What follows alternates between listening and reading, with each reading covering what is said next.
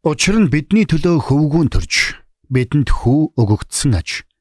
Засаглал түүний мөрөн дээр байж түүний нэрийг гайхамшигт зөвлөгч хүчит бурхан мөнхийн эцэг энхийн жонон гэж дуудана. Исая 9-6 Мэргэний сонсог мэдлэгэд хэлэг. Ухаалаг нь мэрэгэн өдрөмжийг мөн авг. Доктор Харалт цаалогийн мэрэгэн зөвлөмж нэвтрүүлэг.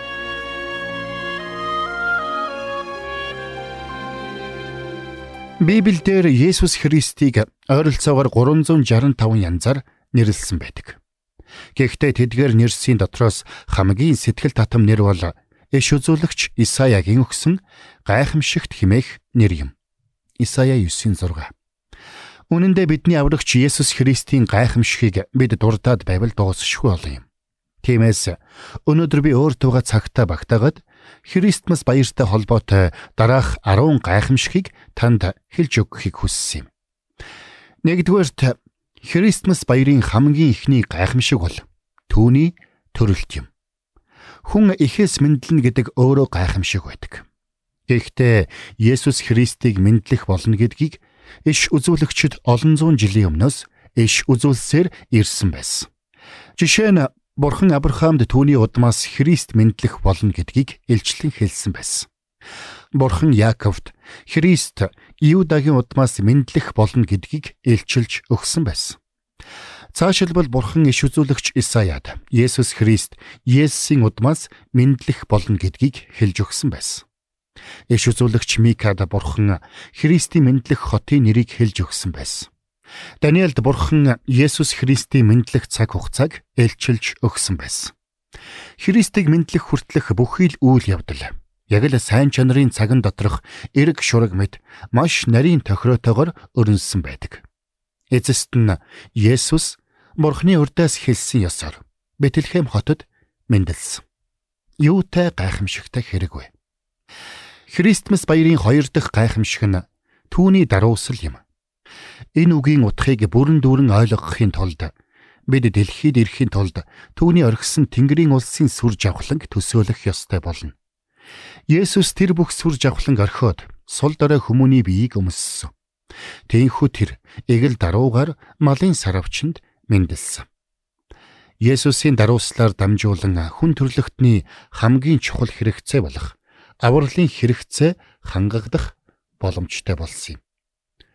Христмас баярын 3 дахь гайхамшиг бол түүний зан чанар юм.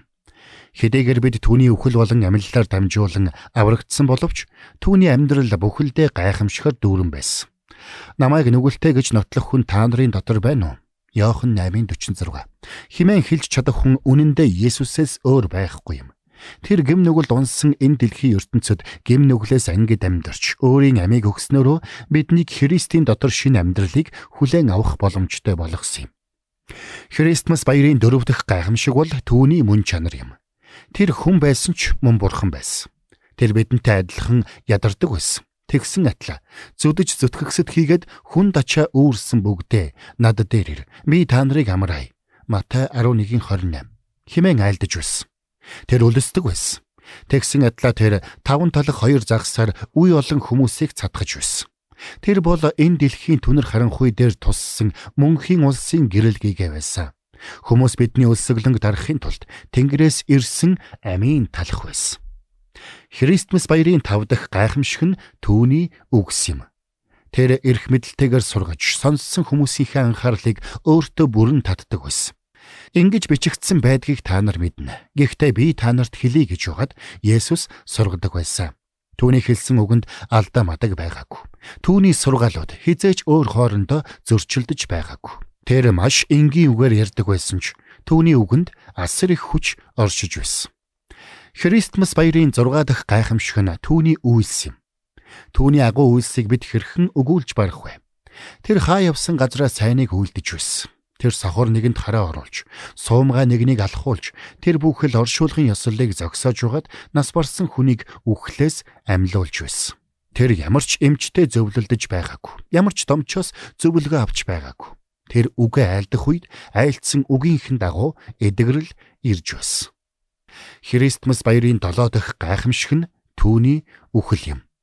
Тэр өөрийн амийг сайн дураар өгсөн. Тэнхүү түүнд итгэсэн бүхэн Тэнгэрлэг эцгийнх нь хүүхдүүд болох боломжтой болсон. Христмас баярын 8 дахь гайхамшиг бол түүний амьлал юм. Христийн шарлыг тавьсан булшийг хамгаалалтанд авахыг Пилат тушаасан. Харуул аваад яв. Чатахаараа хамгаал хэмээн тушаасан байсан. Матай 27-гийн 65. Гэсэн ч булш хоосон, Христ амилсан байсан. Христ одоо ч амьд байна. Христмас баярын 9 дахь гайхамшиг бол түүний дахин ирэлт юм. Та нараас өргөгдөн тэнгэр таваачигдсан энэ Есүс тэнгэрүүд явсныг нь та нар харсан луга адил мөн тийм буцаж ирнэ. Үйлс 1-ийн 11. Химэн бурхны үгэнд айлдсан байдаг. Эцэст нь Христмас баярын 10 дахь гайхамшиг нь түүний авралын хүч юм. Христийг мэндэлэхээс өмнө Тэнгэрлэгч Йосефт тэр нь ард түмнээ нүглээс нь аврах болно. Матай 1:21 химэн тунхагласан байсан. Энэ бол Христмас баярын агуу гайхамшгууд юм. Үнэхээр түүний цусаар бид уучлал цагаатгалыг хүлээн авсан. Тиймээс Христмас баярын агуу гайхамшгуудын төлөө Бурхандаа талархацгаая.